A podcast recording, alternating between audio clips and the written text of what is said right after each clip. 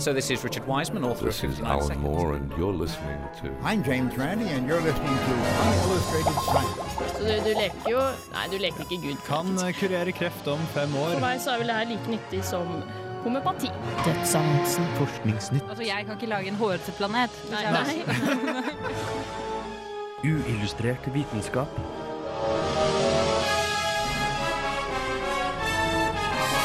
Science, it works, bitches.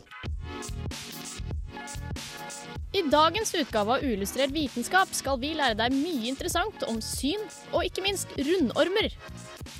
I tillegg serverer vi nyheter angående den myteomspunne kraken, toran og svartedauden.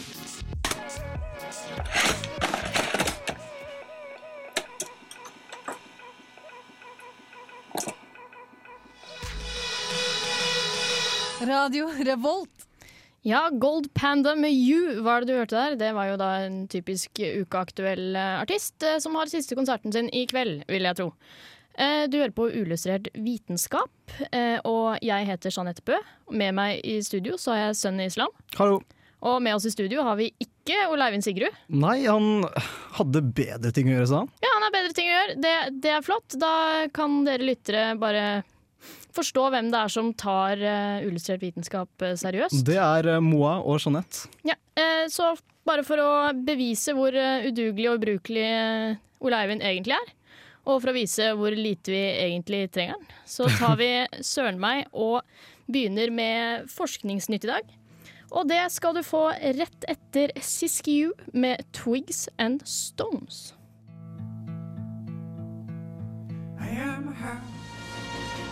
Uillustrert vitenskap presenterer Forskningsnytt.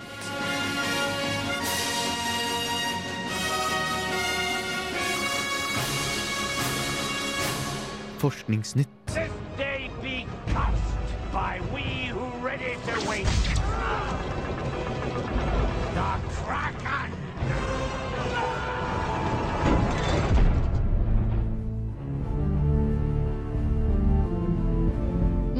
Ettermiddag denne uken på det årlige møtet til Geological Society of America påsto en anerkjent paleontolog, Mark McMenamin, at han hadde funnet reiret til et 30 meter langt monster som skal ha terrorisert verdenshavene for 215 millioner år siden. Ofte kalt en kraken.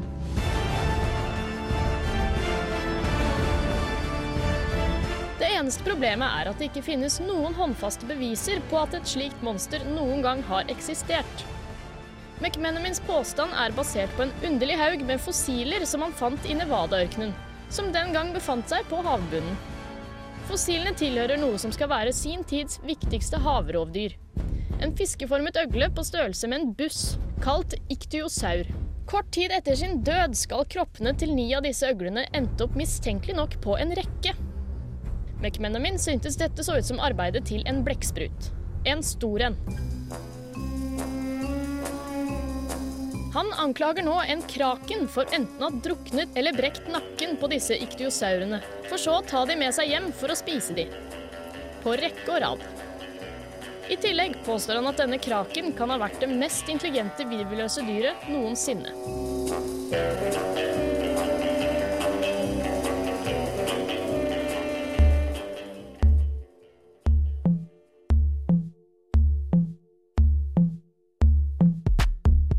Ifølge både jødiske og kristne tradisjoner er Moses forfatteren av Toraen, de fem første bøkene i Bibelen. Men forskere tror nå at de har funnet beviser på at flere kan ha hatt en finger, eller en penn, med i spillet om å skrive Toraen. Andre bøker i den hebraiske bibelen og Det nye testamentet mener de også kan ha flere forfattere. Men arbeidet med å skille disse forfatterne fra hverandre har vært svært krevende. Forskerne har nå utviklet en algoritme som kan hjelpe til med å avsløre de forskjellige forfatterne av bøkene i Bibelen. Professor Nakum Dershowitz ved Universitetet i Tel Aviv og hans kolleger sier at deres dataalgoritme kjenner igjen språklige signaler som preferanser for ulike ord, for å dele teksten inn i forskjellige forfattergrupperinger. Ifølge Dershowitz leter programvaren etter og sammenligner detaljer som mennesker kan ha vansker med å oppdage, som f.eks. hyppigheten av bruken av funksjonelle ord og synonymer. Slike detaljer har liten innvirkning på selve meningen med teksten, men hver forfatter eller kilde har ofte sin egen stil. Et eksempel på en slik ordpreferanse kan være bruken av ordet sa i stedet for talte. For å teste hvor god metoden deres var, mikset forskerne forskjellige deler fra forskjellige bøker i Bibelen tilfeldig. For så å be datamaskinen om å skille de fra hverandre. Dette klarte den med en nøyaktighet på 99 Selv om algoritmen ikke enda er så avansert at den klarer å gi et nøyaktig tall på hvor mange forfattere som har bidratt til Bibelen, sier Dershowitz at den kan hjelpe til med å identifisere overgangspunkter i teksten hvor kilden endres, og dermed kanskje kaste lys på eldgamle debatter.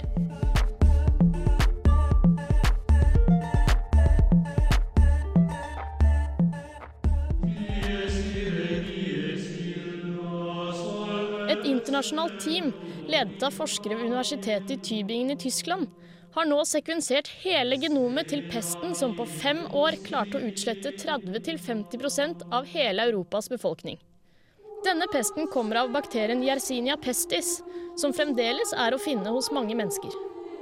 Jeg snakker nå selvfølgelig om svartedauden.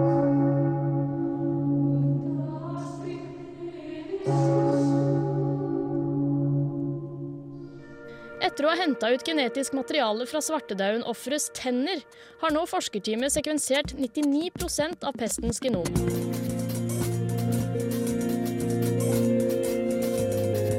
Dette er første gang man har klart å sekvensere et helt sykdomsgenom fra kun skjeletter. Det 660 år gamle pest-DNA-et ble henta ut fra fire ofre som på 80-tallet ble gravd opp fra en kirkegård øst i London av Londons arkeologiske museum. Etter å ha henta det genetiske materialet lagde forskerne en genetisk fiskestang med en moderne variant av Yersinia pestis som agn. På denne måten klarte de å hente ut den gamle utgaven av bakterien. Dette genomet ga forskerne et slags fossil som hjalp dem med å kartlegge bakteriens filogeniske tre. De oppdaga at svartedauden som herja Europa mellom 1347 og 1350, var trolig nær den samme stamfar som alle bevarte Yersinia pestis-stammer har. Dette nye familietreet kan hjelpe forskere med å utforske relaterte grupper, slik som de typer pest som kun rammer gnagere, og hva slags genetiske endringer som eventuelt må til før den kan ramme mennesker.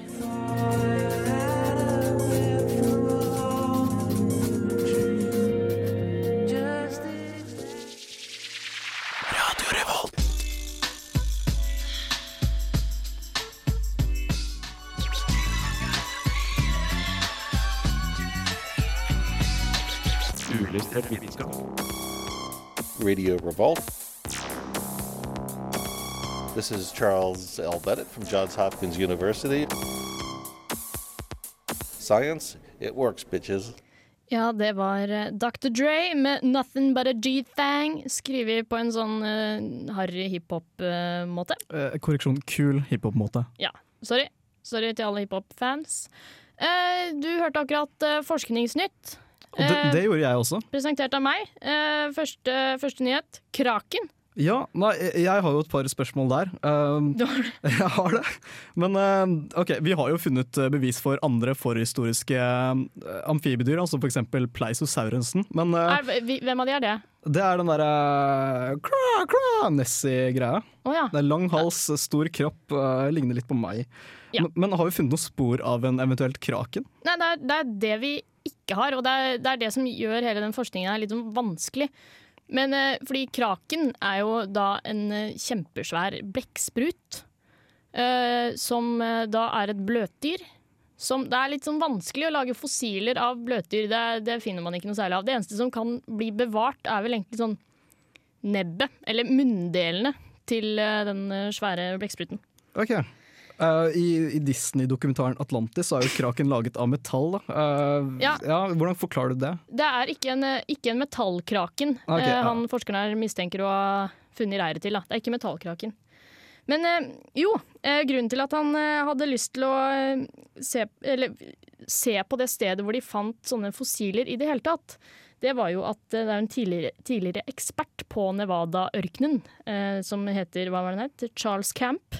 Ikke at det er relevant, men eh, han hadde påstått at eh, de her eh, dyra som var lina opp sånn fint, var, hadde dødd av naturlige årsaker. Altså sånn naturlig og naturlig. Sånn giftig plankton.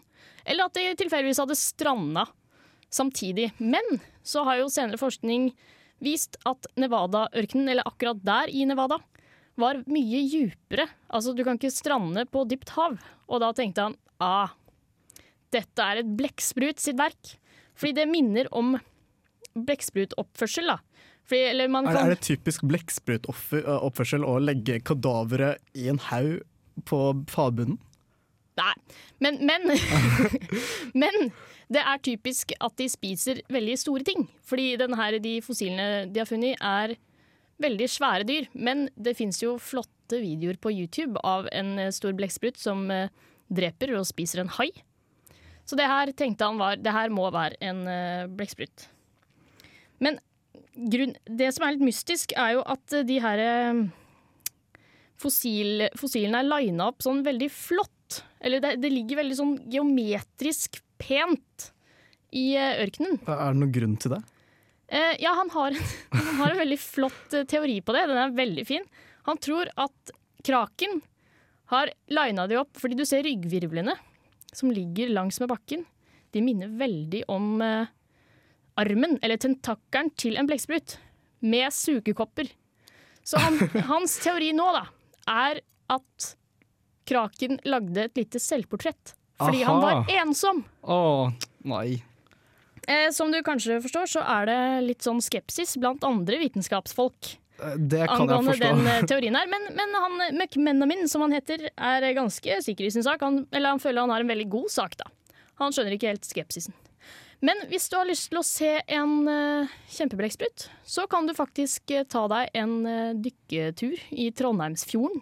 Eh, Ja, det, det, er, det er funnet flere kjempeblekkspruter i Trondheimsfjorden. eh, men det som er litt dumt, er hvis du finner en kjempeblekksprut i Trondheimsfjorden, så er det mest sannsynlig fordi den er veldig syk. For det er da de kommer opp på grunnere vann og legger seg ned og dør. Så du se, hvis du vil se en syk kjempeblekksprut, så kan du dykke litt i Trondheimsfjorden. Jeg har ikke lyst til å se en syk eh, blekksprut. Det har du vel. Ja.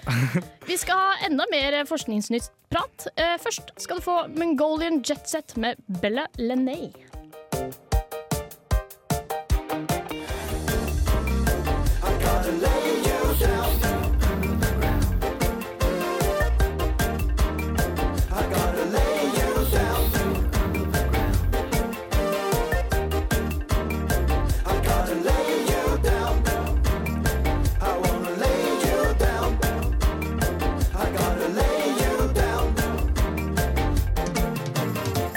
Hører på Radio Revolt, studentradioen i Trondheim. Yes, og du hører på Uillustrert vitenskap med Sunny og Jeanette. Og ikke Ole Eivind Og ikke Ole Eivind. Eh, tidligere i sendinga så hørte du forskningsnyhetene for denne uka. Og da nevnte jeg også svartedauden. Ja, jeg syns det er litt merkelig, for nå har vi jo sånn ebolaviruset og sars og fugleinfluensa. Men hva i all verden skal vi med info om svartedauden-genomet? Eh, jo, det, det skal jeg fortelle. Det er nyttig. Det er nyttig, Senja, å vite mer om eh, svartedauden. Fordi den, eh, det fins en etterkommer av svartedauden fremdeles, som faktisk tar livet av 2000 mennesker hvert år. Det er, det er ganske imponerende, altså. Eh, men for etter 660 år, det er vel ca. så lenge siden at det var svartedauden, eh, så har det skjedd ganske få endringer på selve genomet. Så neste steg for de forskerne her da, er jo da å finne ut hvorfor den var så dødelig på 1300-tallet, og ikke nå. Hvorfor, hvorfor utsletta den ikke hele, hele land, som den eh, var så flink til å gjøre eh, tidligere? Nei, det kan jo ha noe med at legevitenskapen på 1300-tallet var jo ikke-eksisterende. Altså, de drev jo med Har du hørt om årelating? Ja, det, det er sånn blodtapping, er det ikke? Jo, det er sånn Oi, du var kjempesyk og har lite blod i kroppen. Vi tar ut resten, og da blir det sikkert bedre. Oh, ja, ja. Ja, Det er jo smart. Ja, de gjorde det da. Ja, Det er ikke det nå lenger. Eh, Men du nevnte også Moses, og det jeg lurer på er eh, når fikk egentlig Moses til tid til å skrive Toraen?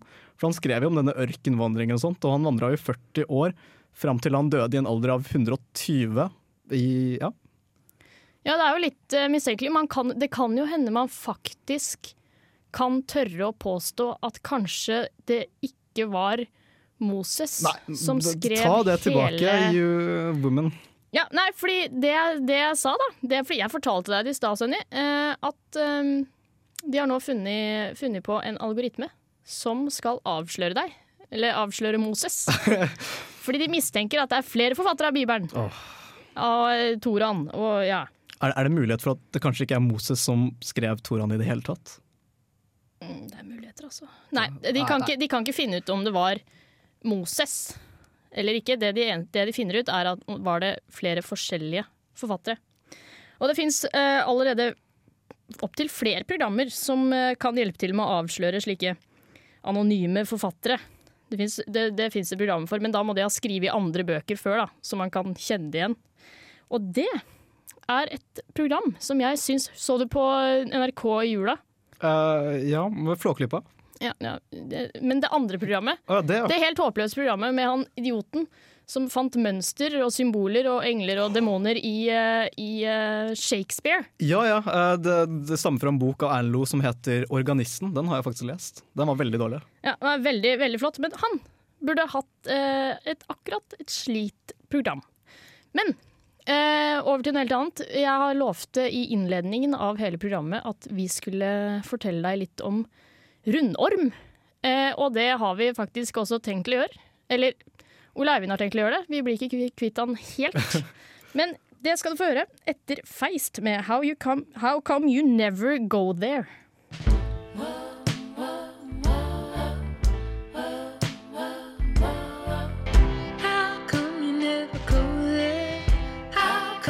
So alone?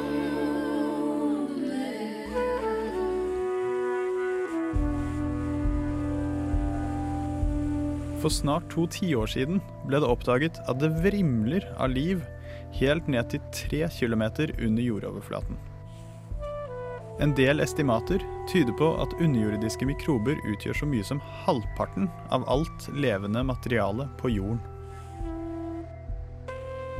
Men man har lenge antatt at kun mikroorganismer kan leve under slike forhold. Ikke dyr. For å teste denne antagelsen dro en gjeng forskere ned i en gullgruve i Sør-Afrika.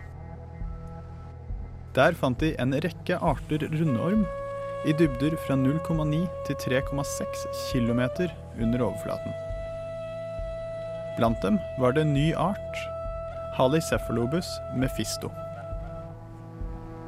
Disse rundormene tolererer høy temperatur, formerer seg aseksuelt og lever på underjordiske bakterier. This is Alan Moore, and you're listening to Unillustrated Science. Ja, der var det Ole Eivind der. Han stikker innom i ånden, altså. Eh, han fortalte om Halicenafolobus eh, med, Bla, bla, bla. med fastos. Ja, det er riktig. Det er ganske spennende. Det er jo en, en eh, rundorm som Ja. lever tre kilometer under bakken, og som er ganske imponerende, for det pleier å bare være veldig mye mindre ting som gidder å henge på så kjedelige steder. Nei, jeg synes jo Det er imponerende at de klarer å overleve der. Og da er jo spørsmålet Er det mulighet for at det finnes kanskje litt mer avanserte livsformer på andre planeter og måner i vårt eget solsystem? For Ja. ja, månen Titan. da. Ja, kanskje vi bare ikke har gravd eh, dypt nok. Nei, det er På Mars, på bare å ta spader fatt og grave ned. Jeg regner med at du tar på deg det arbeidet, Eh, nei, men eh, Ole Eivind kan gjøre det, siden han ikke er her. Bra. Eh, oppgave til deg, Ole Eivind, hvis du hører på. Ja.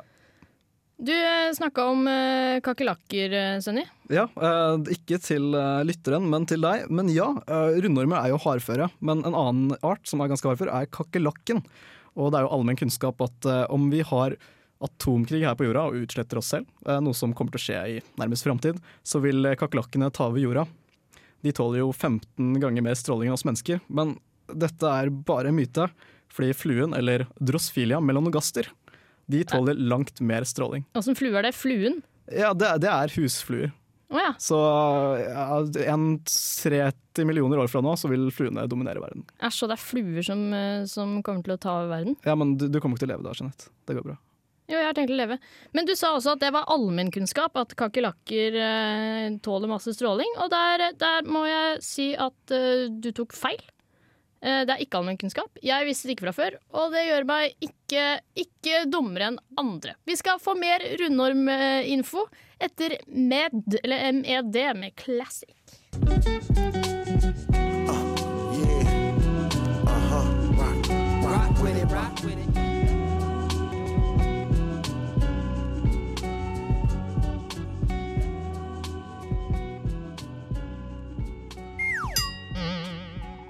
Illustrert vitenskaps fun fact-skole.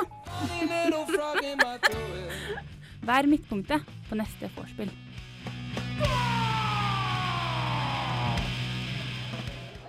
Visste du at rundormer om bord på romfergen Columbia overlevde ulykken? Radio Revolt. Ikke, Ole Eivind. Jøss, det var imponerende. Det er ganske imponerende også, fordi Colombia smuldra jo opp over Texas i sirkus eh, 5,6 km per sekund. Det er ganske fort. Og det var, de hadde jo med seg rundormer i aluminiumsbokser. Ja, Vet ikke hva de skulle med de, men, så, men aluminiumsboksene traff jorda med eh, 2295 G. Noe som er litt sånn Litt sterkere enn meg. Tror ikke jeg hadde overlevd, eh, overlevd eh, det fallet. Jeg har en annen eh, fun fact, eh, Ole Eivind, som dreier seg også om rundorm. For rundormen er en sånn typisk sånn parasitt. Parasittorm, eller sånn Ja, det er en typisk parasitt. Og den er ganske utspekulert, fordi maur, de spiser rundormegg via fugledritt. Jeg vet ikke hvorfor de er så glad i fugledritt, men de får det i hvert fall i seg da, gjennom det. Og det her får mauren til å se ut som et bær. Som igjen får den til å bli spist av nye fugler. Som igjen driter ut rundormegg, som igjen mauren spiser. Og igjen så blir mauren til et bær. Og Og en ny, ny fugl. Det, det er en ond, eh, ond eh, sirkel. Det er kjempebra, Jeanette. Ja. Men eh, apropos parasitter og maur. Soppen ophiocord balsani gjør Ja. maur om til zombier ved at den tar kontroll over maurens hjerne. Og så styrer den mauren da til et passende sted for soppen å vokse. Jaså? Ja, Det syns jeg er ganske spesig. Så zombiemaur, altså. Men det at rundormer overlever en kollisjon med jorden, det åpner jo muligheten for uh, panspermia. Altså, Hva er det? Det, det er jo spørsmål om liv har kommet til jorda ved asteroider. Det Ja. er jo en ganske kjent TV-serie som har dekket dette fenomenet. eh, Pokémon. Ja, ja, ja, din yndlings-TV-serie, det. Ja, ja, stemmer. Du nevner den hele tiden. Ja. Eh, noe annet du nevner eh, rett som det er, er eh, det fantastiske fenomenet syn. Ja. Og det kan vi få høre litt mer om nå. Det at du klarer å danne et bilde av verden i hodet ditt, kan du takke øynene dine for. Men synet er more than meets the eye. I øyet ditt er det den gule flekken som står for det sentrale synet. Altså det området i synsfeltet som er skarpest.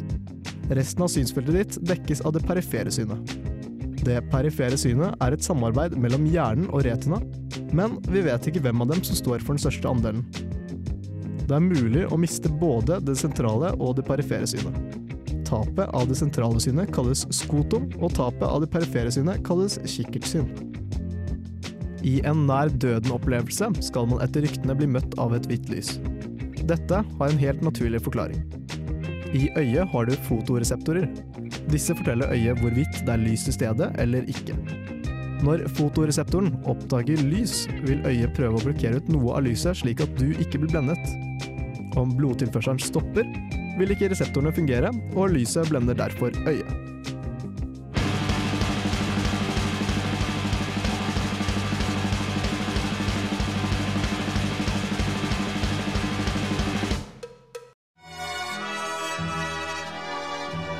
Nuclear reactors could provide power almost indefinitely.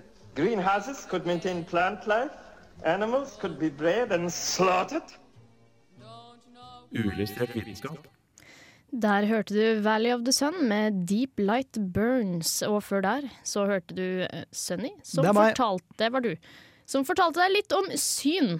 Ja, og jeg har litt ekstra informasjon angående syn. Flott. Det, det er jo faktisk slik at vi mennesker vi ser opp ned, og de første tolv ukene av et barns liv så justerer barnet sakte, men sikkert synet slik at det blir riktig vei. Eh, Og vi nevnte jo også blekksprut i dag. Mm. Og vi virveldyr vi har jo øyne, og blekkspruter har jo øyne. Men vi har utviklet det separat, men allikevel så er det samme løsning på det på syn. da. Eh, Utrolig. Ja, Men eh, blekkspruten de har ikke opp ned sin uh, ulikt oss, da. Nei. Nei. Apropos opp-ned-syn.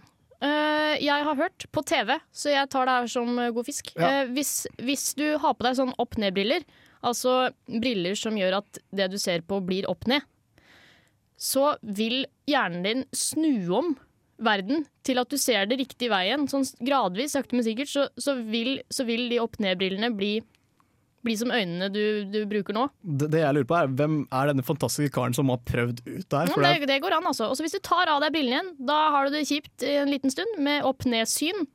Eh, men det går også over, fordi du, du liksom tilpasser deg det, da.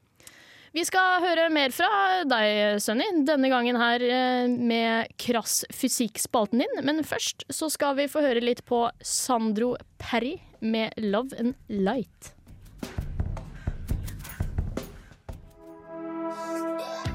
Tyngdekraften. Å ja! Han har jeg hørt om. Galileo Galilei. Det er jo for godt til å være sant. Lars Monsen. Dette setter jeg pris på, ass. Tycho Brahe. Mm. Ah. krass fysikk.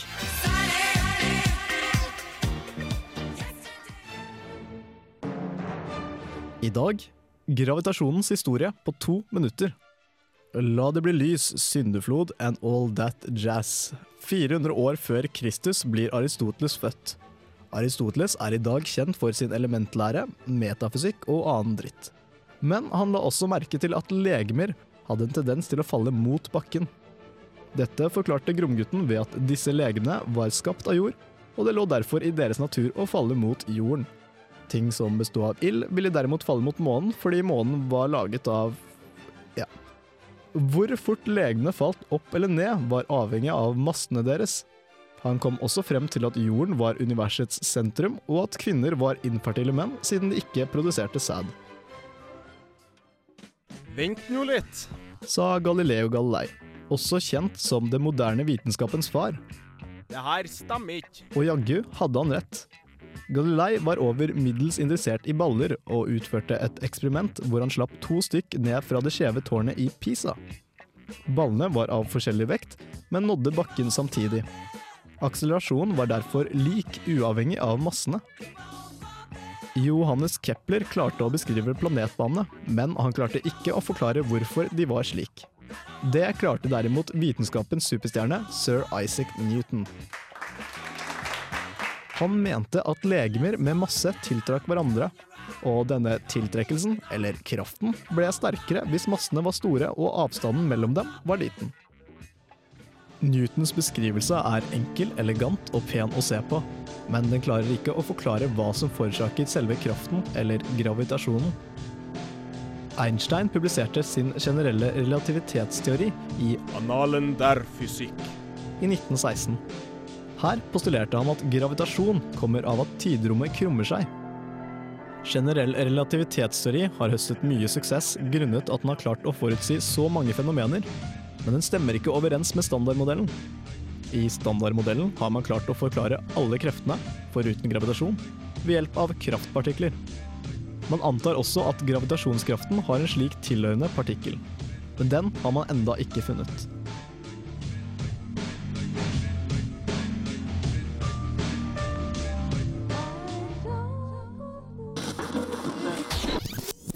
Radio Revolt. Ja, det var Sunny som ga deg litt info om eh, Det var meg igjen. Gode, gamle, det var deg, eh, gode gamle tyngdekraften. Eh, som du kanskje ser på klokka, så eh, begynner vi å gå mot slutten. Eh, apropos ting som går mot slutten. eh, verden går jo også mot slutten. Stemmer det? Når er det igjen? Det er 21. oktober. Men eh, visste du at Newton var spikk spenna gæren? Nei.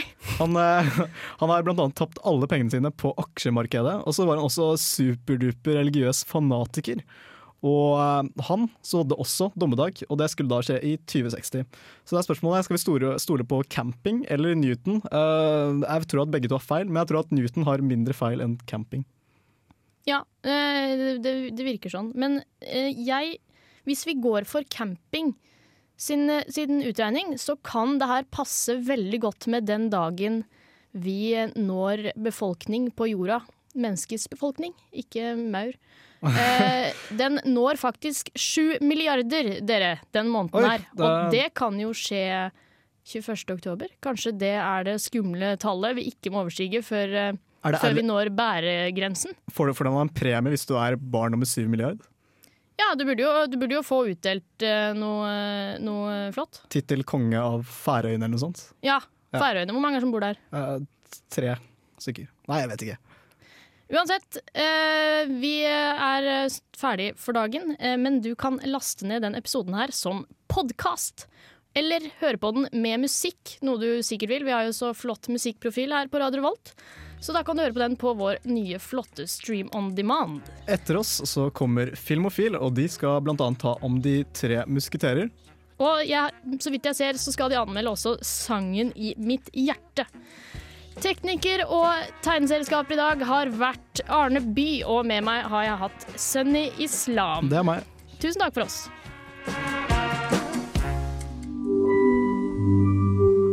Uillustrert vitenskap er Midt-Norges eneste teknologimagasin på lokalradio. Og vi snakker om alt fra populærvitenskap til sære forskningsprosjekt ved NTNU. Radio Revolt, studentradioen i Trondheim, er stolt av å kunne presentere podkaster fra de aller mest populære programmene våre.